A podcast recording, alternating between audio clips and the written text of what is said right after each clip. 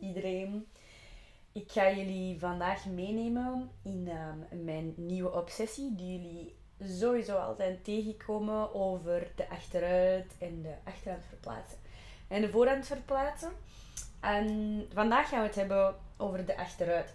En um, dus is zo weer al een paar puzzelstukjes die in mijn hoofd in elkaar zijn gevallen. En tussen wanneer ik die klik heb gemaakt en het aantal paren dat ik in tussentijd heb gezien, heb ik weer al ehm, een heel verschil kunnen maken. Dus dat is wel super tof. Dus ik ga vandaag met jullie bespreken over hoe dat dan nu zit met die achteruit. En degenen dat de webinars gaan beluisterd hebben, gaan daar wel veel in herkennen.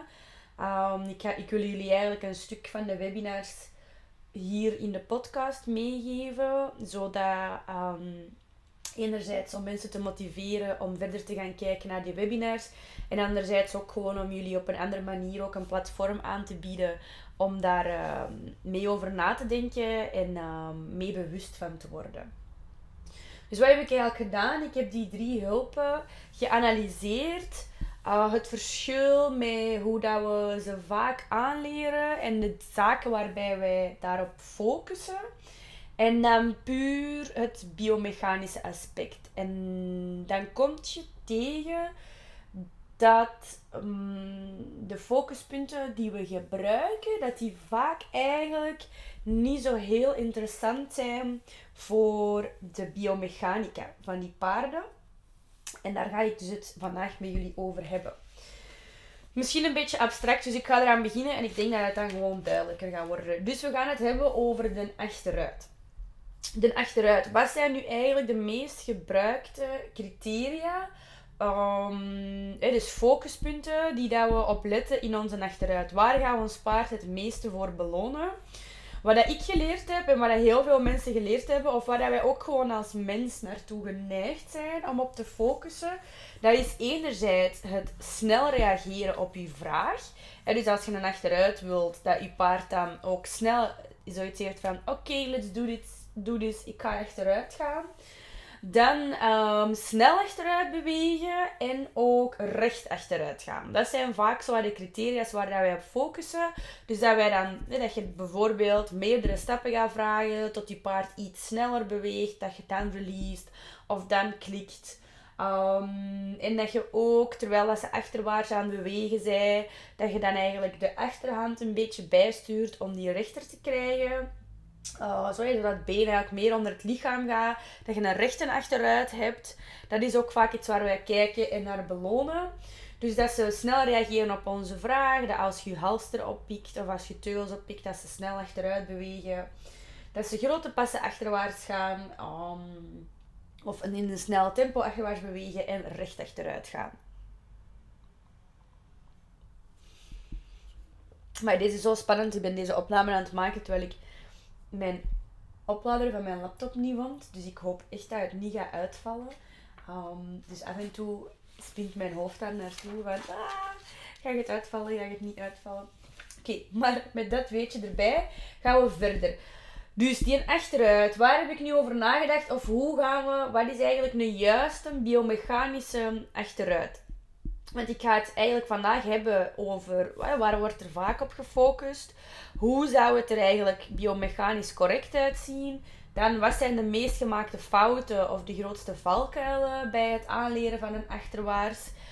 Um, normaal gezien overloop ik dan ook een heleboel beeldmateriaal, maar dat kan ik natuurlijk niet in een podcast doen. Maar dat ga je dan in de webinar kunnen terugvinden. Um, en ook op de Facebook en Instagram pagina gaan sowieso die printen er ook bij verschijnen. En dan, hetgeen wat ik ook heel graag wil overlopen met jullie, is um, hoe bouwt je nu het beste zo'n achteruit op? Dus die motorische beweging, hoe ziet het eruit? Een juiste biomechanische achteruit. Dan heb je eigenlijk een paard dat vlot op onze vraag enkele passen achterwaarts kan bewegen. Waarbij hij in die beweging een mooie diagonaal een tweetakt maakt en zijn hoofd ter hoogte van zijn schoft houdt. Wat is een diagonaal, een tweetakt? Dat wil zeggen dat je uh, linker voorbeen en je rechter achterbeen tezamen bewegen. En hetzelfde in een andere diagonaal. Je rechter voorbeen en je linker achterbeen. En wat je dus super vaak ziet, is door onze releases, als we focussen op criteria als snelheid of snelheid van reageren op cues en net hetzelfde met ons brugsignalen, is dat we van die achterwaartse beweging van onze paarden van alles gemaakt hebben behalve een tweetakt. En als we die een tweetakt uit die achteruit halen, dan maken we het eigenlijk onmogelijk voor die dieren om te gaan dragen in die achterwaarts. Wat je bijvoorbeeld heel veel ziet, is dat die paarden als eerste instantie hun voorbenen naar achter zetten.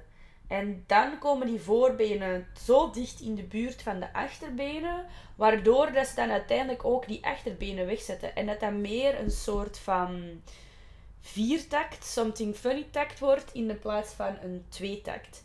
Um, en het hoofdhoogte van de schoft heeft dan te maken met dat eigenlijk de neus, je neus zeker niet onder de borstkas mag.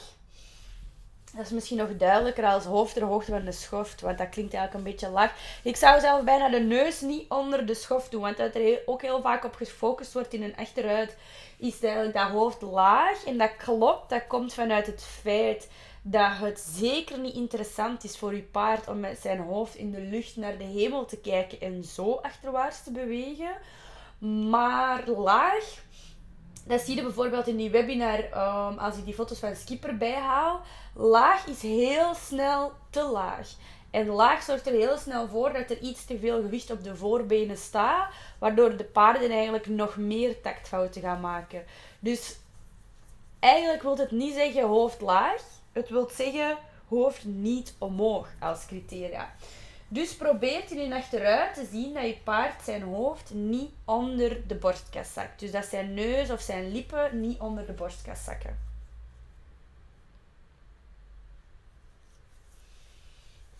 Dan een belangrijke criteria in je achteruit of in de mooie motorische beweging van die achteruit is dat die achterwaarts recht is en rustig. Dus niet snel, maar vooral gedragen, mooi, geconcentreerd Waarbij het paard weet van, krijg mij een tijd om deze oefening af te ronden. Allee, bewust kunnen ze daar natuurlijk niet over nadenken. Hè. Maar dus recht en rustig vind ik belangrijker dan snel. Vaak zijn eigenlijk ook kleine passen veel beter als grote passen. Want doordat we heel veel beloond hebben op snelheid, dan gaan ze zo, zo snel mogelijk naar achter bewegen. Dus, en dan gaan ze zo'n groot mogelijke pas naar achter zetten. Maar groot wil niet per se zeggen dat je paard draagt. Want als, ze zo een heel, moet als er mensen zijn die naar de podcast aan het luisteren zijn en toevallig recht staan, ik weet niet, naf was aan het doen zijn of zo van die zaken, je moet dat maar eens proberen. Als je een van je benen zo ver mogelijk naar achter zet, hoeveel moeite dat je moet doen om dan daarna ook dat andere been naar achter te zetten. Want dan, dan zet je dat eigenlijk helemaal achter je eigen zwaartepunt. En dan kun je niet meer buigen. Je moet zo op een gestrekt been je gewicht naar achter toe zwieren. Um, dus de achterwaarts is recht en rustig. En hij buigt in zijn achterhand en, hand, achterhand en houdt zijn bekken recht. Um, waarbij ik wil doelen naar het, het, vervolg van die recht en rustig, is dat kleine passen zijn vaak interessanter. Omdat we dan kunnen gaan belonen op meer en meer buigen in die achterbenen. En meer, of, of meer te dragen. Hè. Buigen en dragen zijn in principe dezelfde woorden. Allee, dat komt op hetzelfde neer. Dus dat ze, en dat ze die bekken recht houden. Want nu is mij ook opgevallen dat veel paarden die getraind zijn op de criteria snelheid, waaronder mijn skipje ook, die gaan dan, omdat ze zo'n grote pas zetten en daar dan helemaal dat been achter het zwarte punt is en dan hun ander been ook achterwaarts moeten krijgen, wat gaan ze dan doen? Ze gaan eigenlijk het bekken van het been waar dat ze op staan helemaal omhoog duwen. En dan zie je dus die, die, die bekken, en dat de, dan zie je dat omhoog kantelen. Dus dat de ene kant hoger is en dan is de andere kant hoger. Dan is de ene kant hoger, dan is de andere kant hoger. En, en dan duwen ze dat vaak nog eens omhoog. Dus ze duwen de ene kant omhoog En in de verkeerde richting, dus richting de rug, in de plaats van dat ze je bekken en dat je de staart omhoog komt. Hoger op het paard lijkt te staan. Terwijl als je bekken in de juiste richting kantelen, dan lijkt de staart van het paard eigenlijk lager te staan. Alweer op die foto's van Skip kun je dat super mooi en duidelijk zien.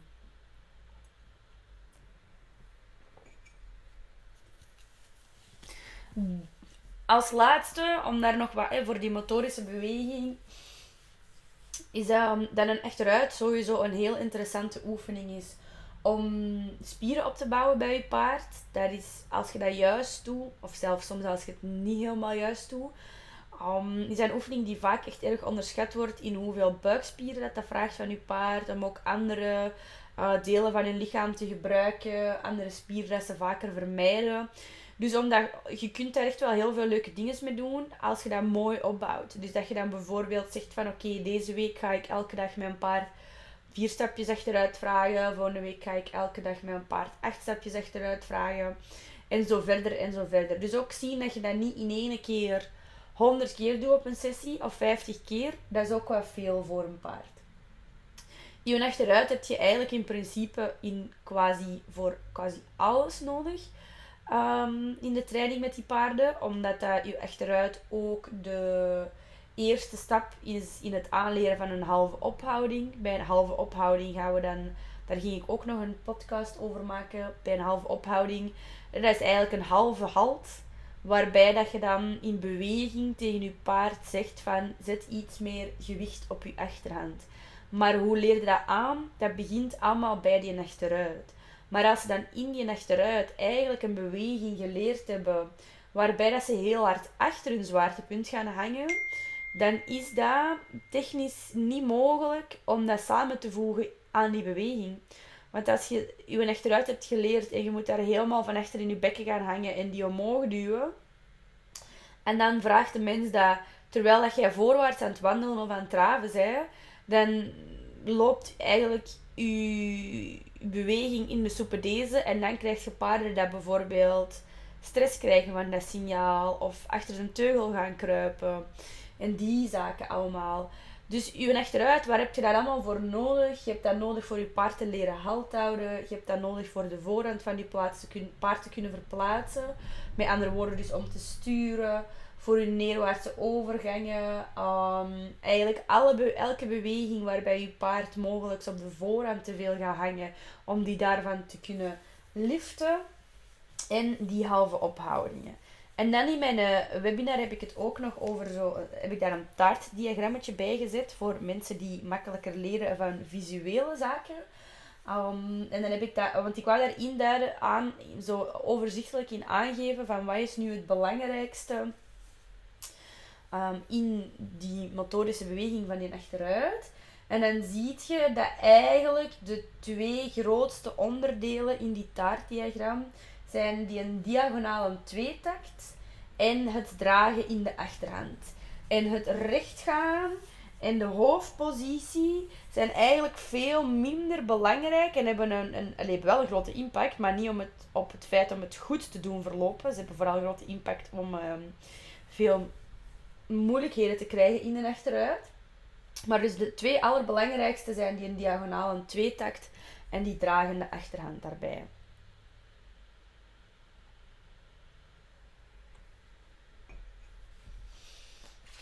Nu, de meest gemaakte of de grootste valkuilen in de achteruit. Het is eigenlijk maar een, een, een, een klein lijstje, want je kunt daar oneindig in blijven doorgaan.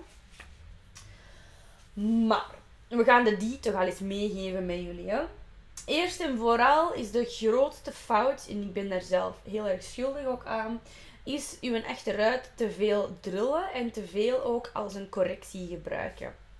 Dat wil niet zeggen dat je je nooit je paard uit je ruimte mag zetten van mij. Dat bedoel ik niet. Als ze te dichtbij komen, je voelt je niet veilig, al die zaken. Het is ook belangrijk dat je die communicatie met elkaar hebt. Van oké, okay, stopt op die plaats. Ik wil dat je even um, achterwaarts beweegt. Ik wil dat je even uit mijn ruimte gaat. Dat is super belangrijk. Enkel is dat iets waar dat we dan te hard in blijven hangen. Ik denk dat dat de juiste verwoording is.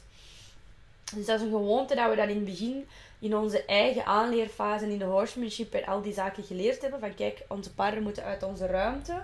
En we, we bijten ons daarin vast en, en we blijven dat op dezelfde manier vragen en op dezelfde manier of op hetzelfde moment belonen. Als ze bijvoorbeeld verder van ons weg zijn. Maar dan zijt je aan het belonen voor die afstand tussen u en uw paard. En heb je geen oog meer over de impact van uw beloning op de motorische beweging van uw dier. En daar wil ik dan natuurlijk veel meer naartoe gaan. Dus de grootste valkuil of de meest gemaakte fout is je achterwaarts gaan drullen, die te corrigerend gebruiken. Um, net terwijl het dan, hetgeen wat ik juist heb gezegd, eigenlijk een hulpmiddel is in heel veel oefeningen.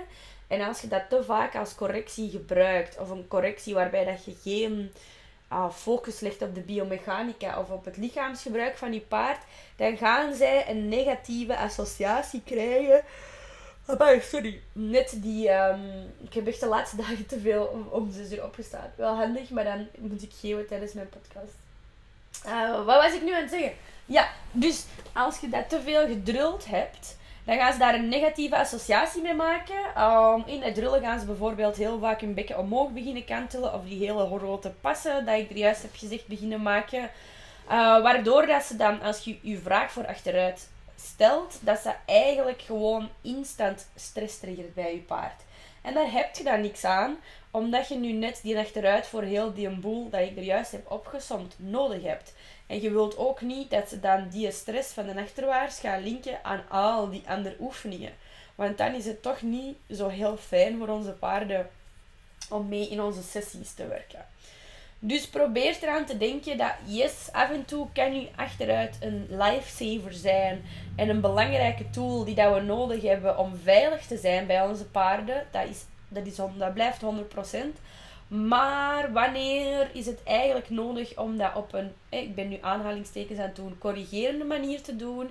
En wanneer kunnen we dat gewoon rustig, zachtjes inzetten en altijd ons bewust zijn van oké, okay, hoe, op welk moment ga ik je releasen? Dus als je die safety bij elkaar hebt en je paard blijft op de afstand dat jij prefereert, en van mij mogen mijn paarden redelijk dicht bij mij komen, dat is een beetje waar dat je eigen voorkeur is. Um, of waar dat je je eigen veilig bij voelt, wat ook super belangrijk is. Maar eens dat je dat hebt en je wilt toch nog eens een keer je paard achterwaarts laten bewegen, ook al is het omdat hij een klein beetje dichter komt dan, dan, dan wat je zelf wenst, dan kun je dat bijvoorbeeld op een andere manier gaan stellen met een andere intentie, waardoor dat, dat, dat je het, die vraag rustiger gaat stellen, waardoor dat je paard minder zijn hoofd omhoog gaat doen, minder zijn bekken in de verkeerde richting gaat kantelen en al die zaken. Dus um, dat was mijn speech over dat u achteruit eigenlijk vooral een positieve oefening mag zijn.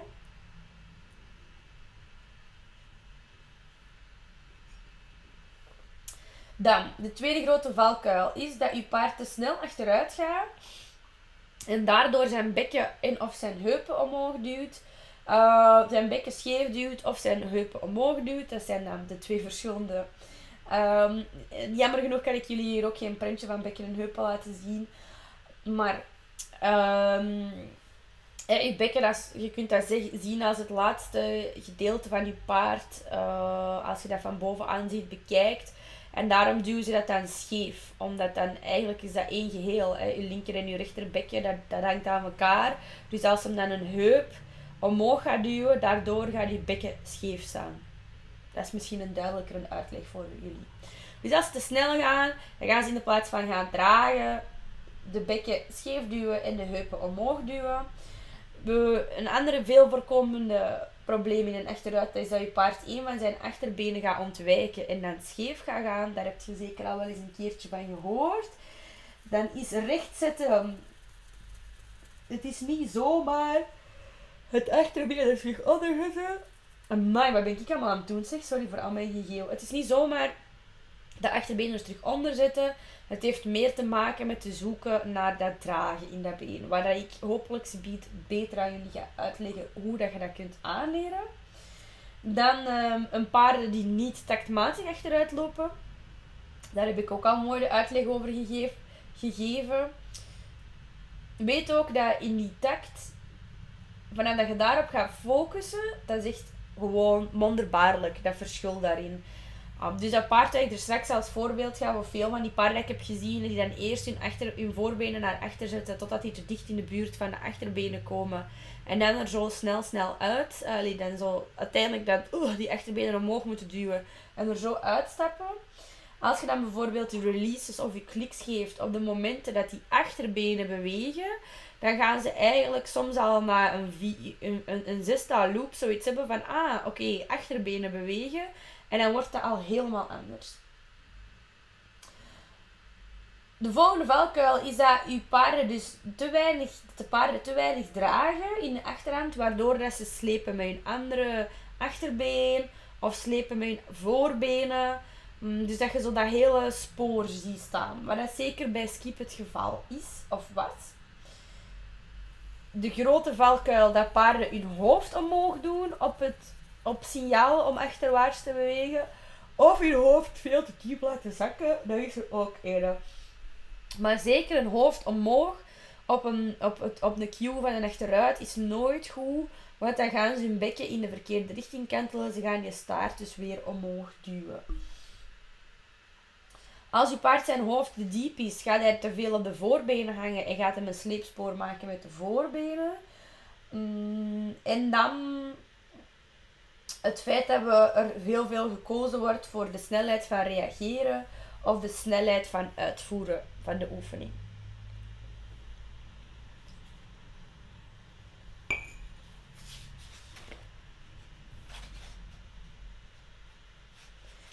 In de webinar heb ik ook die pdf bestand daarover met een lijst waar dat je alles kunt lezen. Daarbij heb ik ook bijgezet bijvoorbeeld van waarvoor heb je een achteruit nodig onder het zadel en welke signalen wilt je paard allemaal leren voor achteruit te gaan. Dus bijvoorbeeld aan de manen, aan de teugels, aan een neckring, op een voice cue. Zo al die zaken, daar kunnen jullie dan nog eens een keer naar gaan kijken om dat te overlopen. Ik ga dat vandaag niet doen, want dan gaat de podcast te lang worden. En te droog ook, als ik een hele lijst van van alles aan het opsommen ben. Maar weet dat dat daar wel is, dat je dat kunt afprinten en kunt meenemen. Want ik heb ook dan in dat pdf-bestand um, als volgende stukje een lijst gemaakt van de bijhorende criteria in een achteruit. Wat is nu criteria? Dat zijn eigenlijk allemaal focuspuntjes waarmee dat je je achteruit kunt verfijnen. Dus dan heb je bijvoorbeeld de criteria tact, de criteria dragen, de criteria opheffen voorbenen, de criteria recht, de criteria um, rustig, de criteria of, of traag, de criteria traag reageren op je cue. Zo al die zaken in plaats van snel reageren op je cue. Daar heb ik ook een opsomming van gemaakt van waar dat je allemaal op kunt focussen van criteria in het oefenen van die achteruit. Dus soms ook gewoon interessant dat je denkt van ik heb wel best een oké okay achteruit. Dan kun je eens door die lijst van criteria gaan en zien of wat er nog uh, punten zijn waarop dat je een achteruit kunt verbeteren.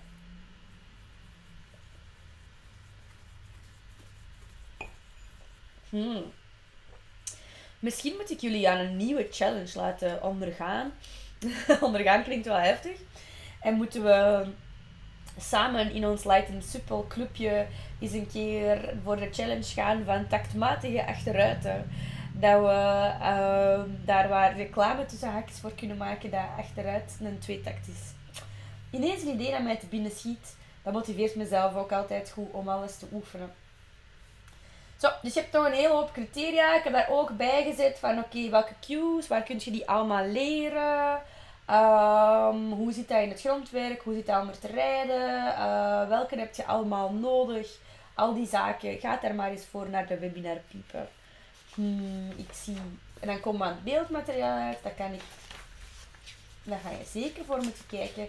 Dan moet ik juist nog dat laatste stukje van de opbouw van de achterwaarts aan jullie leren. Ik zie enkel dat mijn batterij nog maar op 5% staat. En dat is wel spannend, hè. Dus, ik ben aan het twijfelen. Ga ik nog voortdoen? Ga ik niet voortdoen? Het zou wel heel jammer zijn dat we alles kwijt zijn. Ik ga het wagen. Spannend, hè. Ik hoop dat niet ineens alles weg is. Of dat als, als ik wegval op, op het einde, dat is op zich nog wel oké. Goed, dat opbouwen van die achteruit. In het begin is het vooral belangrijk, je hebt daar trouwens dus ook een, een tijdlijntje van, hè, dat je kunt terugvinden in je cursus um, bij de lightandsoepel.be slash de hulpen. Daar kun je naar de webinars toe gaan en toegang krijgen tot die, dat pdf-bestand. In eerste instantie, als je paard naar achteruit gaat leren, dan gaat je op zoek gaan naar wat je paard zijn beste cue is. Want ik kan niet zeggen, je gaat met je zweep naar de borstkas wiebelen, uh, zo op, op, op en neer bewegen. Of uh, van onderaan touwhalster, of dit of dat. Ik kan niet zeggen wat de beste cue is, daar ga je zelf naartoe moeten zoeken. Van op welk signaal reageert mijn paard het beste? Waarop heeft hij nog geen oppositiereflex? Hè? Want als ze al op de ritmische achterwaarts een oppositiereflex hebben, oppositiereflex wil zeggen dat ze bijvoorbeeld hun hoofd omhoog doen om die uh, um, ritmische achteruit, het, het, het zwaaien van het touw te ontwijken. De reden trouwens waarom dat veel paarden hun hoofd omhoog doen op die ritmische achteruit, is omdat um, mensen dat geleerd hebben van je moet door die fases heen gaan. Als je paard daar niet beweegt, moet je uh, door een hogere fase gaan. Maar dan beginnen ze vaak veel te dicht bij die paarden. Waardoor dat eigenlijk de eerste en de allerbelangrijkste fase al totaal gemist wordt. En dat is dan de intentie, de intentie van je lichaam, dat jij als mens richting je paard stapt. Maar daar wilt je eigenlijk al dat ze op achteruit bewegen. En als ze dat niet zien, gaat je wel beginnen, kunt je wel beginnen wiebelen met je armen en al die zaken. Maar vaak wordt er dus van veel te dicht bij elkaar vertrokken, waardoor dat, uh, paarden dan eerst hun hoofd omhoog gaan doen en dan pas achterwaarts gaan beginnen bewegen, maar dan duwen ze hun bekken veel te veel omhoog. Dus je gaat op zoek naar wat is het beste signaal. Heel vaak is dat wel de borstkas. Maar niet alle paarden vinden de borstkas vinden het leuk om zomaar aangeraakt te worden. Dus er zijn er ook wel die het leuker vinden omdat je toch heel licht ritmisch denkt. Of dat je targets gebruikt waar dat ze achteruit naartoe kunnen bewegen. Dat je dat dan kunt vangen vanaf het moment dat ze de intentie achterwaarts maken. Um, dus er zijn veel opties. Soms doe ik ook zo een beetje bewegen met een, uw, uw koetsiers zweepje richting de benen toe. Dat ze dan zo iets voelen kittelen en dan een stap achteruit bewegen. Pas op, want dat zijn weer voorbenen achteruit bewegen. Dus zie dat je op tijd naar je diagonaal gaat. Maar dat is er ook ene. Um, je kunt ook met de target stick naar achter gaan. Maar dan moet je ook goed zien dat je de minste intentie dat je paard achterwaarts denkt opvangt. Want anders gaat hem zichzelf helemaal achter de teugel zetten. Um, dus met die stationaire targets is dat bijvoorbeeld ook, hè, als je ze geleerd hebt van als ze op de mat gaan staan, dat ze iets krijgen, dan kun je ze ook vlak voor de mat parkeren. En dan gaan ze achterwaarts bewegen naar die mat toe en om daarop te kunnen gaan staan. Um, met kegels kun je dat ook doen. Het nadeel van een kegel is dat ze dan weer durven gaan duiken naar die kegels. Dus dan moet je goed in toog houden dat je op tijd beloont en klikt. Dat ze niet naar die kegel toe bewegen of zakken. Dus zoek naar wat is de manier dat jij het liefste wilt en wat je paard oké vindt. Soms is dat echt de kleinste millimeter dat je al moet belonen. Um, zodat ze doorhebben, oké, het is deze. Zodat we, en als ze dan een paar keer na elkaar die millimeter doen, dan kun je eens een keer langer wachten. Zien of dat daar een grotere millimeter, misschien een halve centimeter uitkomt. Om dan het eigenlijk zo verder op te bouwen naar meerdere passen. Dus je moet de, het tweede stuk is, eerst heb je zoek je paard zijn beste cue. Het tweede is beloon de kleinste intentie om achterwaarts te denken. Je paard hoeft zijn voeten nog niet te bewegen. Als je dan merkt dat een paar keer na elkaar die intentie heeft om het gewicht naar achter te verplaatsen, dan kun je je vraag eens langer stellen en zien of het hem een volledige pas zet. Dus dat is je fase 2. Dan moet je in de derde fase gaat je het aantal keer één pas opbouwen. Wat wil dat zeggen? Stel je voor, je hebt die intentie, je hebt de kleinste intentie na elkaar beloond. Je hebt dan gezegd van oké, ik ga vijf keer na elkaar, dus ik ga zien op 10 seconden tijd dat ik vijf keer de intentie achteruit beloond heb. Hè, met, met, met, met, met voer of met rust. Zodat je paard eigenlijk op 10 seconden heel veel achterwaarts gedacht hebt. Om dan op te bouwen naar ik ga een volledige pas vragen. dan gaat je als volgende keer zien, als volgende fase zien, oké, nu ga ik weer al binnen een bijvoorbeeld um, duratie van 20 seconden zien dat ik mijn paard vijf passen, vijf keer één pas achteruit kan laten bewegen. En als je dan ziet dat je makkelijk, je, je beloont, je vraagt nog eens, je beloont, je vraagt nog eens. En dat je altijd zoiets heeft van, ah ja, oké, ik snap deze, I got this. Dan kun je beginnen gaan naar, ik wil meerdere passen. Maar wat vaak mensen doen, is dan ene pas vragen, dan je paard een halve minuut rust geven, dan is nog een pas vragen, dan dat paard een halve minuut rust geven, en dan uiteindelijk eens een keer twee passen proberen. Maar dan heb je eigenlijk nog niet zoveel um, motion, denkmotion in je achteruit geshaped. Dus vergeet zeker niet, dat, heeft, dat kun je vaak ook in heel veel andere oefeningen toepassen, dat um, je gewoon het aantal keer ene pas kunt vergroten, alvorens in, in, in, in, in, in, in een tijd ertussen kunt verkorten, alvorens dat je naar meerdere passen gaat. Je moet ook oppassen voor vaste beloningspatronen van die ene stap. Ik heb daar in mijn online cursus sowieso ook uitleg over gegeven. Ik zou daar zeker ook wel eens een podcast over kunnen opnemen. Waar dat nu een vast beloningspatroon is. Maar in elk geval ga je paard daar dus stress van ondervinden. En extinction burst krijgen. Als hij gewend is van altijd voor ene pas voer te krijgen of rust te krijgen. En als dat plotseling dat patroon doorbroken wordt. Nu hebben we dus het aantal passen kunnen opbouwen naar meerdere passen. En dat gaan we dan uitbouwen tot een viertal passen. Dus bouw op tot een viertal passen. Zie eerst dat deze vier passen een mooie diagonale takt zijn. Vanaf dat je een viertal passen achteruit hebt, kan je gaan werken om je achteruit ook rechter en meer dragend te maken. Hiervoor zullen we hulpen nodig hebben, zoals de achterhand verplaatsen. Um, dan is als volgende stap en dus je kunnen vier passen achteruit. Dan kunnen we richting dat dragen gaan. Uh, let op waarbij dat je paard niet gaat kiezen voor een grotere pas te maken of voor sneller achteruit te gaan, want dat is dikwijls makkelijker als meer te gaan dragen. Dus bewaart die rust daarbij. Uh, vergeet je stimuluscommunicatie met elkaar niet. En focus u op die criteria dragen. Kijk bijvoorbeeld van in die vier passen dat je hebt, van is er een momentum dat mijn paard minder sleept met zijn andere achterbenen? Is er een moment dat hem zijn bekken iets meer naar beneden toe kantelt? Um, is er een moment dat hij vertraagt en zijn focus beter houdt? En al die zaken. En dat kun je dan beginnen opbouwen. Um, in die viertaal, die viertaal passen maakt je dragender en dragender. En dan kun je, als je dat wilt, gaan uitbreiden naar nog meer. Zes passen, tien passen, twintig passen, ik noem maar op.